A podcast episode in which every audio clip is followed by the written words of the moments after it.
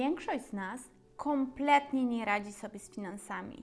Skupiamy swoje myśli na oszczędzaniu i na gromadzeniu pieniędzy na koncie, zamiast myśleć o pieniądzach jako o narzędziu do osiągania celi i spełniania swoich marzeń.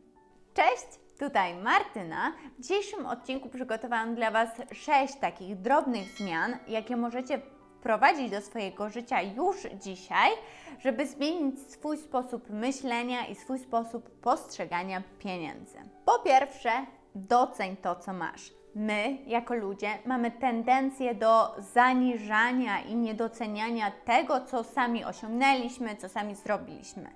A jak popatrzymy na, na nasze życie trochę szerzej i zdamy sobie sprawę, że tak naprawdę już dość sporo w tym naszym życiu osiągnęliśmy, to znacznie tak przychylniej popatrzymy na naszą sytuację finansową, na to, na co już sobie zapracowaliśmy i na to, w jakich warunkach żyjemy.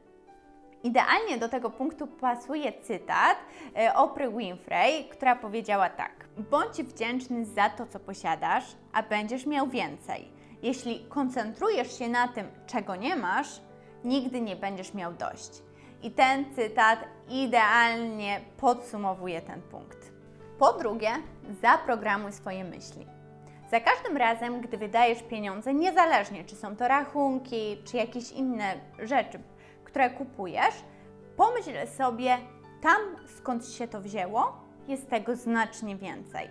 Dzięki temu programujemy nasze myśli, nasz sposób myślenia na obfitość i na to, że to, co mamy do wydania, to jest tylko mały skrawek tego, co możemy mieć, co możemy zarobić i to, co generalnie istnieje.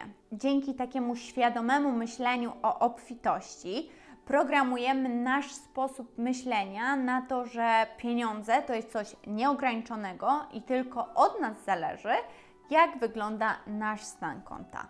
Po trzecie, zorganizuj swój własny luksus. Kto powiedział, że coś, co sprawia nam przyjemność, co jest właśnie takie luksusowe, musi być drogie?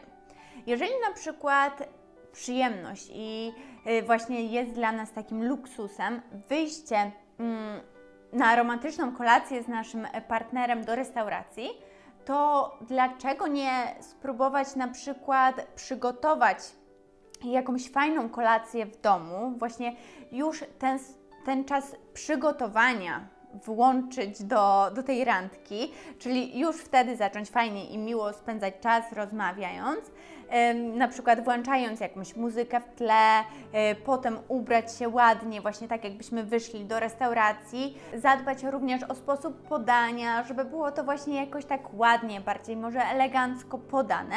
I dzięki temu w domu za znacznie mniej pieniędzy i znacznie tańszym kosztem, mamy coś, co niekoniecznie musi być czymś gorszym, bo ta cała otoczka, też ten cały proces przygotowania może być również bardzo przyjemny i mm, sprawiać, że czujemy właśnie ten taki luksus i, i taką obfitość, może niekoniecznie na co dzień, bo nie wiem, czy mamy codziennie czas na zorganizowanie takiej kolacji, ale na przykład raz czy dwa razy w tygodniu możemy poczuć to również w domu i jeżeli na przykład na ten moment nie jesteśmy w sytuacji, gdzie możemy tak często chodzić do restauracji, to to jest bardzo dobra alternatywa.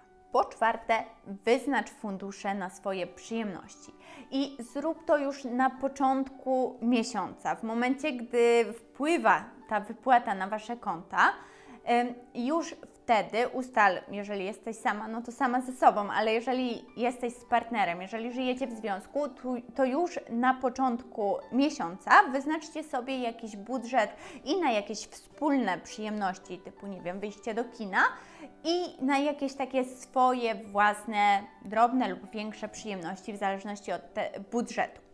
Bo jeżeli tego nie zrobimy i ten miesiąc już idzie, mm, idzie dalej i w pewnym momencie myślimy, może pójdziemy do kina. Ale patrzymy na nasz stan konta, może niekoniecznie mm, jest taki, jakbyśmy chcieli, i stwierdzamy, że właściwie na ten moment mamy większe, ważniejsze wydatki i koniec końców nie idziemy do tego kina. I wtedy wpadamy w taką pętlę, gdzie myślimy tylko o tym, że nie stać mnie czyli zamiast myśleć o tym, że wszystko zależy od tego, jak zorganizujemy sobie nasz budżet, jak zorganizujemy sobie nasz miesiąc, nasze pieniądze, to wpadamy w taką spiralę mm, takiego negatywnego myślenia i właśnie myślenia o tym, że nie stać mnie na to, a chciałabym coś tam zrobić. Także wyznaczanie sobie takich budżetów na początku miesiąca jest naprawdę dobrą alternatywą, zwłaszcza jeżeli właśnie ten nasz, nasz stan konta jeszcze nie jest na tyle wysoki, że bez problemu możemy sobie na wszystko pozwolić. Punkt piąty: zadbaj o swoją wiedzę finansową. Nieraz już podkreślałam, jak bardzo istotna jest wiedza. I ta wiedza nie jest jakaś tajemna i przeznaczona tylko dla wybranych ludzi, tylko ta wiedza jest szeroko dostępna. I tak naprawdę to tylko i wyłącznie od nas zależy, czy przyswajamy taką wiedzę, czy nie. Mężczyznom przychodzi to, mam wrażenie, trochę bardziej naturalnie, że oglądają tego typu filmiki na YouTubie, czytają tego typu książki i generalnie interesują się tą sferą finansów, a kobiety nieraz mają takie podejście, że to jest nie dla nich, że generalnie pieniądze i e, finanse to jest coś, o czym się nie rozmawia. I że jest to coś, czym zajmują się mężczyźni. I nic bardziej mylnego. To tylko i wyłącznie od nas zależy, co czytamy, czym się interesujemy i jaką wiedzę przyswajamy. I tak naprawdę wiedza finansowa jest niezbędna.